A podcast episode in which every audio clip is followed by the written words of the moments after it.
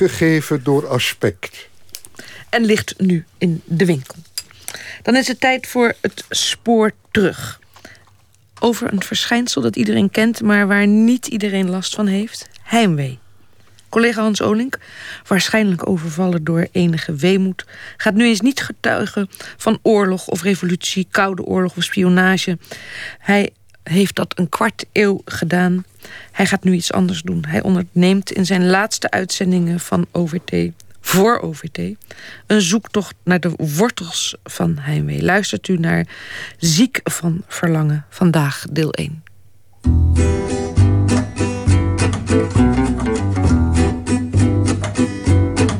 In de film Midnight in Paris van Woody Allen is de heimwee, vertolkt door Owen Wilson, de hoofdrolspeler. Op bezoek in Parijs verlangt hij naar de jaren 20 in de Franse hoofdstad. Zijn verlangen wordt gehonoreerd en om middernacht wordt hij afgehaald door een theefort en meegenomen naar zijn geliefde tijd. Hij ontmoet er Ernest Hemingway, Ezra Pound, Gertrude Stein, zijn literaire helden. Zijn verlangen naar een tijd die hij niet heeft meegemaakt ken ik. Persoonlijk heb ik heimwee naar de Roaring Twenties, maar dan in Berlijn. Ik heb het gevoel dat dat mijn tijd is. Het is een aangename vorm van heimwee, van nostalgie. Maar ik kan me ook nog herinneren dat ik als kind werd verteerd door heimwee. Toen ik bij een vriendje in een andere stad logeerde. Ik voelde me behoorlijk ziek. Heimwee schijnt een veelzijdige maar gecompliceerde emotie. Ik heb heimwee naar mijn jeugd. Maar niet naar die eindeloze saaie schooldagen. Ik heb heimwee naar de eerste onbevangen liefde, maar niet naar haar. Ik heb heimwee naar de jaren 60, maar niet naar de flower power. En nu ik over de helft van mijn leven ben en minder toekomst dan verleden ken, krijg ik heimwee naar de toekomst. Of is dat geen heimwee?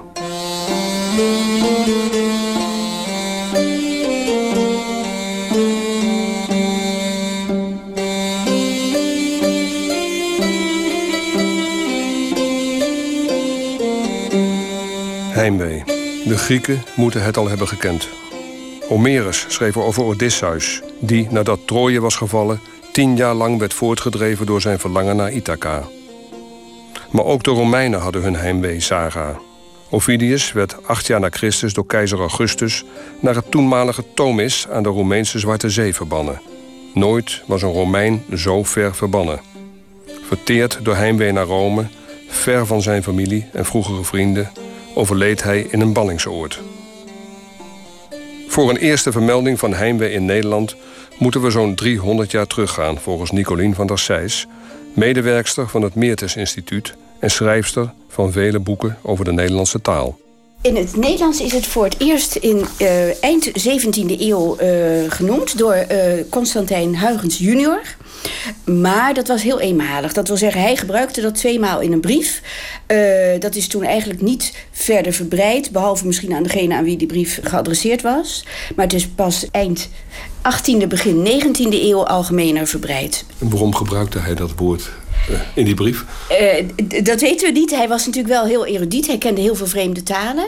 Uh, volgens mij in die brief ging het bij hem ook niet speciaal over Zwitserland. Terwijl dus Heimwee is eeuwenlang toch echt uh, verbonden met Zwitserland. het is ook ver verzonnen in Zwitserland. Het was een Zwitserse arts die het noemde. Heimwee.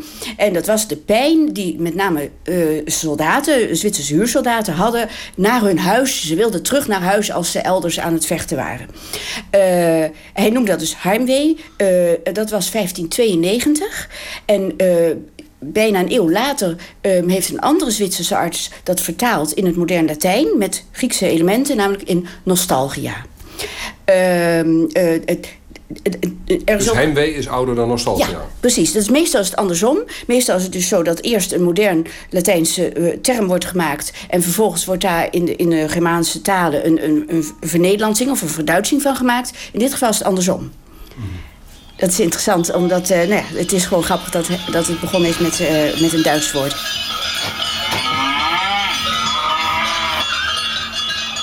Lien van Albeda, uitgever van Balans en van het non-fictiefonds van de Bezige Bij...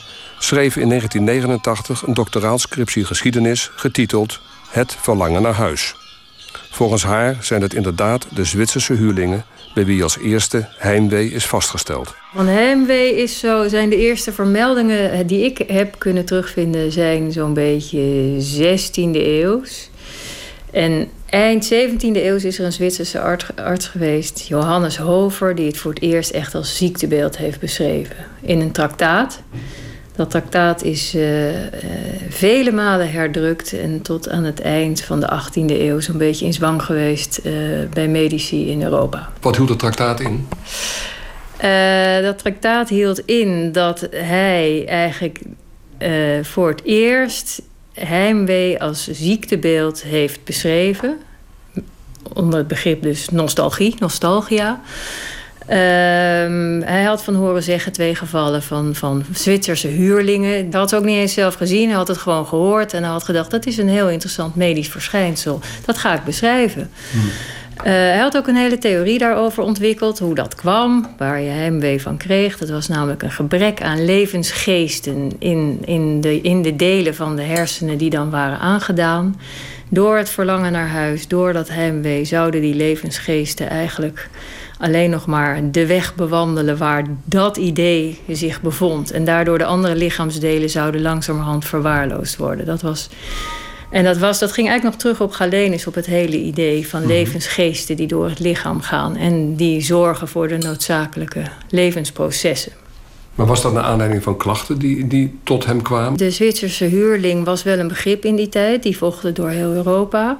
En wat er gebeurde was dat er jongens waren die in de verte uh, last kregen van ziektes. Die wij nu misschien hersenvliesontsteking zouden noemen of longontsteking. Of, en die wanhopig riepen dat ze naar huis wilden. En in die tijd werd gedacht, dat is, dat is heimwee. Daar ga je aan dood. Dat is een ernstige lichamelijke ziekte.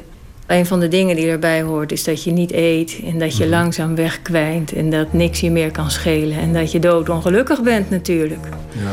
Alleen wat wij nu zouden denken is dat iemand misschien ook een bacteriële infectie heeft. Dat hele fenomeen dat was toen natuurlijk nog helemaal niet bekend. Zu Straßburg auf der Schanz, da fing mein Unglück an. Da wollte ich den Franzosen desertieren und wollte es bei den Preußen probieren. Das ging an, das ging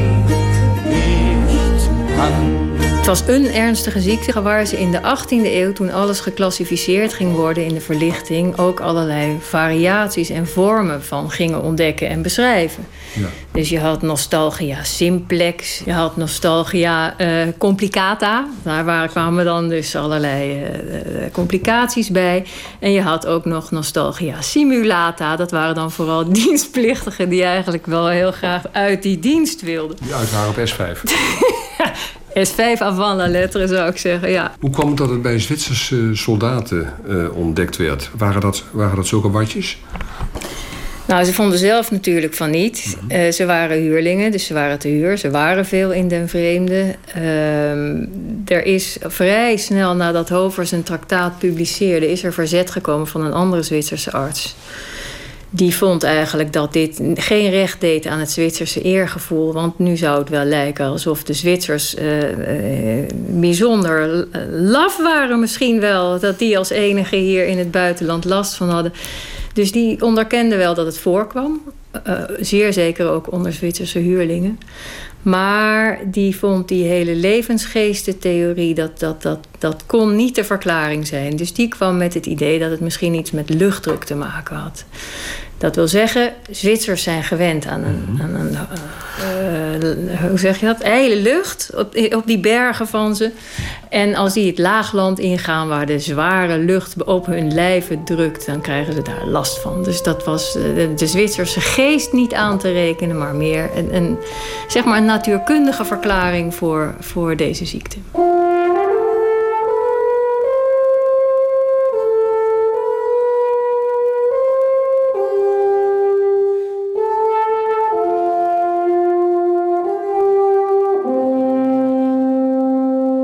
Een liedje, het Koeraaien, wat ik nu vast niet goed uitspreek. Dat is op een gegeven moment in de ban gedaan, want dat had een speciaal particulier heimwee-opwekkend effect op sommige mensen. Dat mocht absoluut niet meer uh, gespeeld worden. Ik heb het teruggevonden in notenschrift. Dus het is een, zo, gewoon een eenvoudig volksdeuntje is het.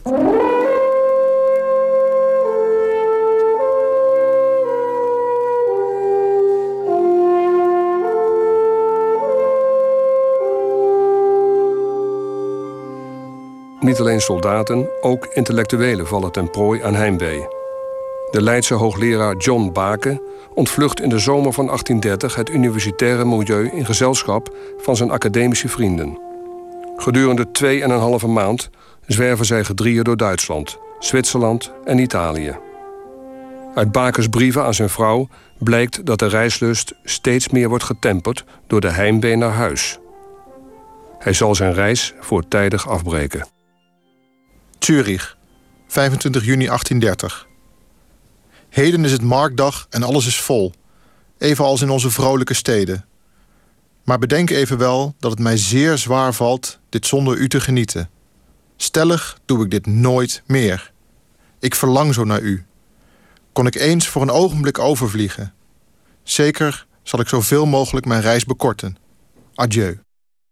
Donderdag 22 juli. Oh, ik verlang zo naar huis. Ik ben en blijf zo gezond als ooit en met matigheid baden, ijs en limonade kan ik de hitte goed verdragen. Daarboven is de lucht hier minder drukkend dan bij ons zomers. Mijn plan om mijn thuiskomst te verhaasten geef ik niet op. Nader schrijf ik u bepaald. Im traurigen Monat November war's. Die Tage wurden trüber, der Wind riss von den Bäumen das Laub. Da reiste ich nach Deutschland hinüber. Und als ich an die Grenze kam, da fühlte ich ein stärkeres Klopfen in meiner Brust. Ich glaube sogar, die Augen begonnen zu tropfen. Und als ich die deutsche Sprache vernahm, da ward mir seltsam zumute. Ich meinte nicht anders, als ob das Herz recht angenehm verblute. Tijdens de 18e eeuw was de belangstelling voor heimwee een Duitse aangelegenheid geweest. Maar tegen het einde van de eeuw begonnen Franse medici zich bezig te houden met de ziekte. Noodgedwongen, want zoals een tijdgenoot opmerkte, geen enkel tijdperk heeft zoveel nostalgie voortgebracht als de Franse Revolutie. Voor de aristocratische emigranten die het geweld van de revolutie ontvlucht waren en aan een zekere dood ontkomen waren, was de onmogelijkheid tot terugkeer een ziekmakende kwelling. De Frans-Zwitserse romanschrijfster en essayiste Madame de Staal was één van hen. Men zal zich wellicht verbazen dat ik ballingschap met de dood vergelijk. Maar de grote mannen van de oudheid en de moderne tijd zijn bezweken aan deze pijn. Men ontmoet meer dapperen tegen het schafot dan tegen het verlies van zijn vaderland. In alle wetteksten wordt de eeuwige verbanning beschouwd als een van de ergste straffen. Ik was minder te beklagen dan een ander. Nochtans heb ik vreselijk geleden. Nostalgie leek met de invoering van de dienstplicht een andere dimensie te hebben aangenomen. De artsen die verbonden waren aan de revolutionaire legers van de Republiek en later aan de Grande Armée van Napoleon werden regelmatig geconfronteerd met de heimweeziekte, die soms epidemische vormen aannam. Gedurende de eerste decennia van de 19e eeuw, het tijdsvak van de grote campagnes van Napoleon, bereikte het aantal nostalgiebeschrijvingen binnen de Franse legergeneeskunde een hoogtepunt. Net zoals in de heimweeliteratuur van vlak na de revolutie spraken vrijwel alle auteurs van een dodelijke ziekte van epidemische aard. Volgens Bartoli, een tijdgenoot, trad de gevreesde ziekte zo vaak op onder jonge dienstplichtigen dat men deze kan beschouwen als een van de belangrijkste oorzaken van de dood.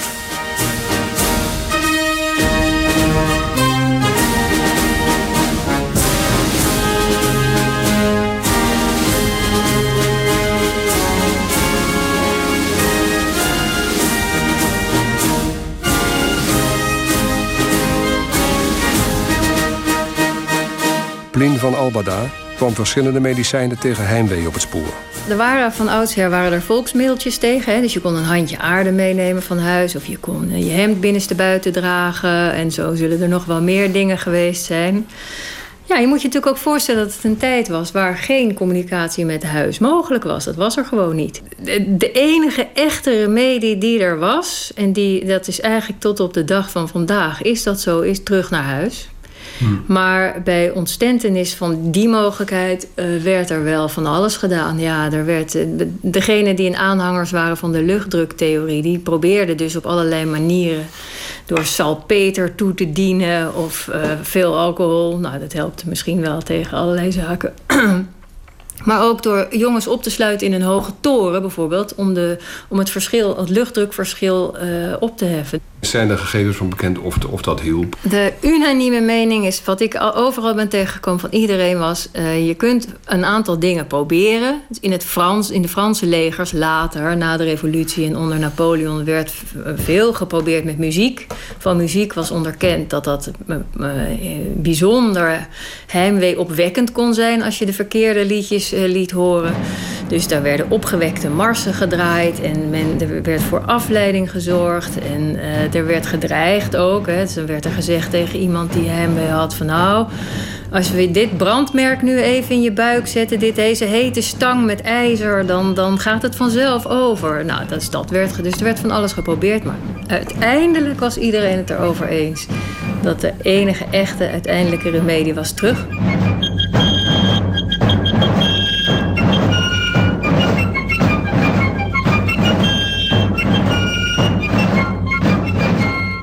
Leger kent een hoog percentage soldaten dat heimwee heeft. Jos Hilkhuizen, conservator Pictoralia van het Legermuseum, doet onderzoek naar muziek en oorlog in de 20e eeuw. Muziek die ook heimwee oproept. Er is in, uh, rond 19, in 2008 is er een uh, onderzoek gedaan naar oorlogsveteranen. Uh, Tweede Wereldoorlog, Nederlands-Indië, Nieuw-Guinea, en ook naar uh, uitgezonden militairen naar uh, het Balkangebied en Afghanistan. Wat hun favoriete muziek was. Er is zelfs grootschalig op gereageerd en men kon zelfs een top 50 samenstellen. En toen bleek dat in die top 50 heel wat nummers stonden. Wat je ergens zou kunnen noemen going home nummers. Going home is eigenlijk een begrip dat komt voort uit uh, Amerika. Um, de militairen daar die namen hun eigen muziek mee naar Vietnam. En draait natuurlijk een favoriete nummers. Dus een nummer als eh, met vaak toepasselijke teksten. Dus het bekendste is natuurlijk uh, We Get Out of This Place van uh, The Animals. Dat was echt het favoriete nummer.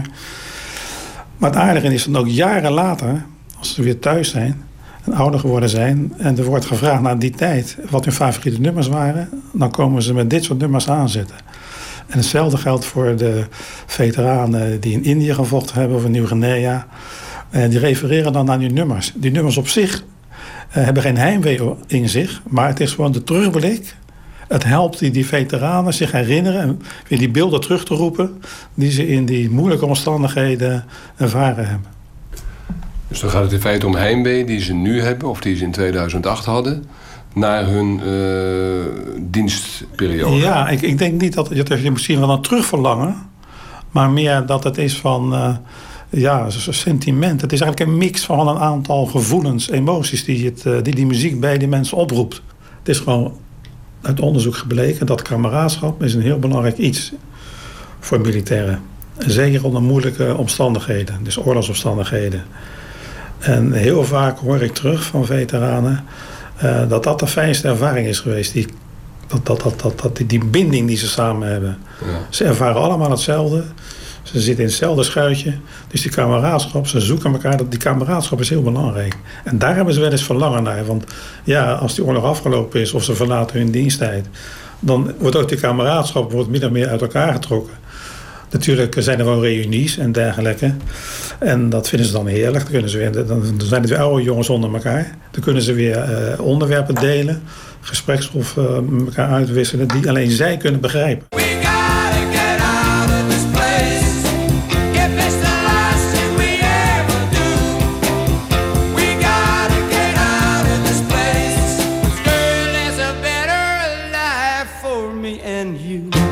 Langzaamaan werd de ziekte onschuldiger. Hij werd beschreven als een stadium van melancholie. Daardoor raakte de aandoening haar positie als gevaarlijke ziekte kwijt.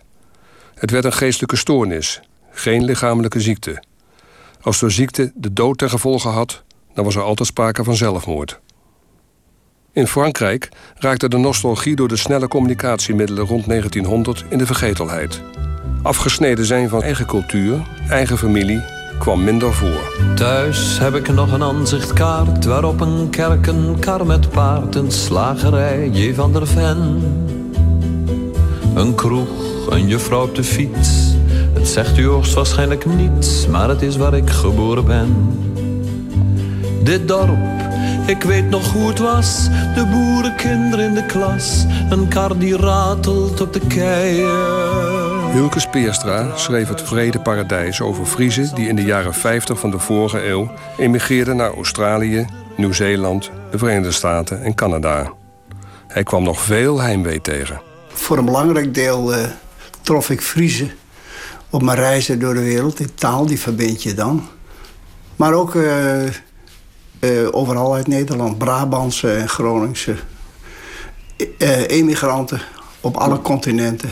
En ze hebben natuurlijk allemaal wel dezelfde soort ziekte tussen aanhalingstekens. Want de ziekten die waren vroeger verschrikkelijk. Alle ziekten. de pijngrens was anders. En tegenwoordig in de kleiner wordende wereld is de pijn ook wat minder. De emigranten die hier vertrokken na de oorlog, in, in, bij enkele honderdduizenden in een paar jaar, die hadden het nog wel.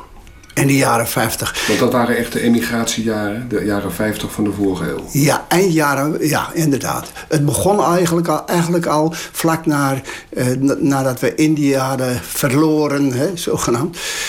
Toen. Eh, gingen al veel uh, immigranten vanuit India. Dan heb ik het over die jonge jongens die niet meer thuis kwamen. Die hadden niks meer te zoeken blijkbaar in uh, Nederland. En dan gingen naar Nieuw-Zeeland, naar, uh, naar Down Under, zal ik maar zeggen. En daarna kwam in 49, 48 kwam de grote stroom op gang. Het hoogtepunt was in 1954 eigenlijk komt in ieder verhaal iets van heimwee voor. En ook mensen die uh, in eerste instantie zeiden van... Oh, we hebben helemaal geen heimwee flauwkul. Maar als je dan uh, verder praat, dan kwam het heel levensgroot kwam het probleem toch boven water. En ik denk wel eens dat afstanden toen groter waren. Ze zijn in een soort verwarring weggegaan. Het was uit, uh, niet uit, ja, wel uit vrije wil, maar ja, ze werden soms ook gedwongen om weg te gaan. Er was hier geen toekomst, er was hier geen huis. Er was geen mogelijkheid om vader op te volgen als boer. En, en dan maar in het diepe, in het duistere, in het oneindige springen. Want dat was natuurlijk, als je naar... Neem Nieuw-Zeeland, dat was een fobische afstand. Andere kant van de wereld. Ja, andere kant van de wereld. Er waren mensen die zeiden... jongen, je gaat helemaal naar Nieuw-Zeeland. Dat is uh, uh, bijna zo ver als de maan. Maar de maan die kun je iedere maand nog een keer zien. Maar wij zien je nooit meer. Maar het was nog verder dan de maan. Dus uh, dat, dat was verschrikkelijk. Want als je eenmaal ging en, en je leed aan heimwee, je was daar... Dat in, dat, was... in dat verre Nieuw-Zeeland... dan kon je vaak ook niet meer terug. Nee, nee heel vaak. Uh, het, was, het was hier uh, bij het vertrek voor degene die achterbleven... maar ook die wegging, een soort levende begrafenis. Uh, want je kwam nooit terug. Zo groot was toen de wereld.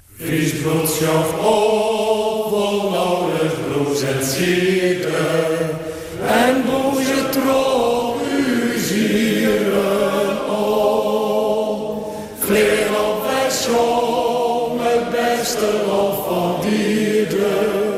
Het Frieske van Er zijn enkele honderdduizenden mensen die de pijn, dat schrijnende gevoel in hun borst hebben gehad, dat weer weg hebt. Uh, maar anderen, uh, zoals ik in een verhaal in het Vrede Paradijs heb, heb geschreven, een, een, een jonge boerin die zoveel heimwee had dat ze eerst uitslag kreeg en daarna uh, moeilijk kon lopen. En daarna in een soort uh, delirium bijna belanden van, uh, van heimwee. Dat ze alleen nog de straatsteentjes beregend en glimmend in de dorpskern van Makkum zag. Maar niet meer van Te Aroa in in eh, Nieuw-Zeeland waar ze moest uh, huishouden. En uh, iemand die zei daar, het is net als syfilis. Eerst weet je niet dat je het hebt, maar langzaam maar zeker komen er hele vervaarlijke uitingen van die ziekte. Dan is dat te laat. En dan is het te laat, ja. Maar ik ga nog even naar, naar Nieuw-Zeeland, waar ik ook een, een, een, een eenvoudige uh, boeren, uh, boerenmeid... Die, die trouwde met een arme boerenknecht naar Nieuw-Zeeland... ging daar 50 jaar in een uh, schapenslagerij had gewerkt en nu oud was. En dan liet ze me zien dat ze een wereldkaart had... waar ze iedere, dag, iedere week, als ze weer wat centen opzij had gelegd... dan uh, werd het streepje dwars door de oceanen naar Nederland een beetje korter. Dat was voor haar een houvast van één keer zal ik genoeg geld hebben om terug te kunnen. Het was dus in feite een uh, airmiles sparen. Er is, ik heb één verhaal uh, opgetekend van een, familie... die een stuk of vier, vijf keer heen en weer is gereisd. Dat is het allerergste wat je kunt doen. Uh, het uh, emigreren is ontberen, maar het is ook doorzetten. Uh, hij moet toch proberen wortels te schieten.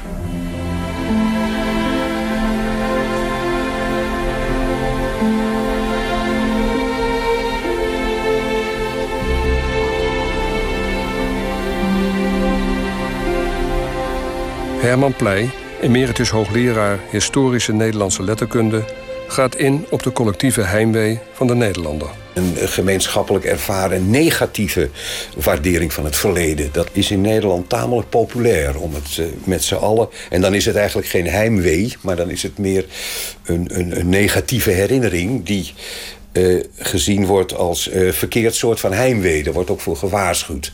Want niets in dit land deugt. Hè. Dat is in Nederland, daar onderscheidt Nederland zich altijd zeer in. In de wereld verbaast buitenlanders ook altijd enorm... dat Nederlanders zo graag openlijk op hun land schelden. En dan uh, dat ook graag verbinden met verkeerd. Onbegrijpelijk dat je heimwee zou hebben naar zoiets. Dat kan helemaal niet. En niks deugt hier. En, en verkeer, niemand kan hier files oplossen. De zorg is één uitbuitersbende.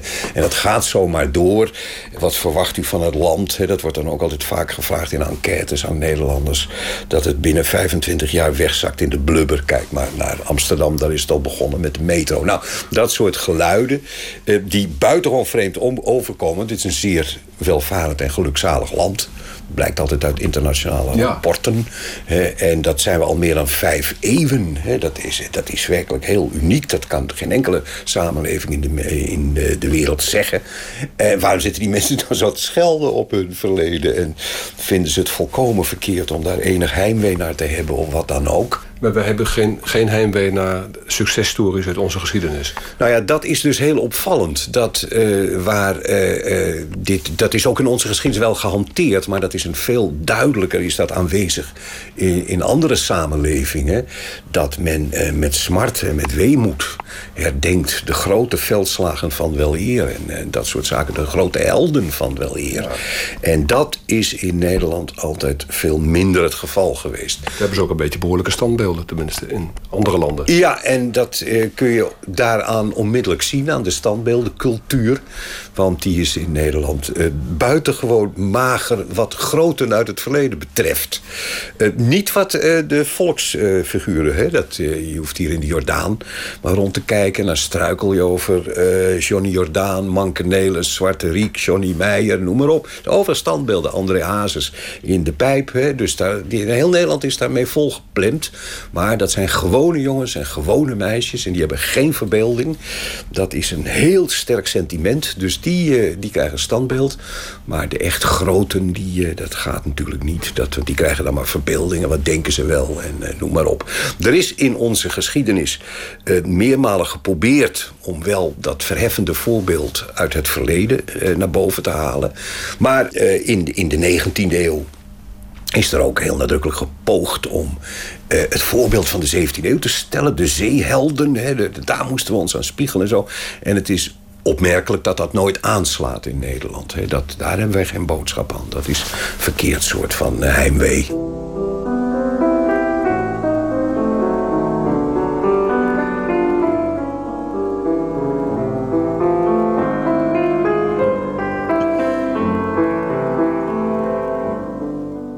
U heeft geluisterd naar deel 1 van Heimwee, ziek van verlangen.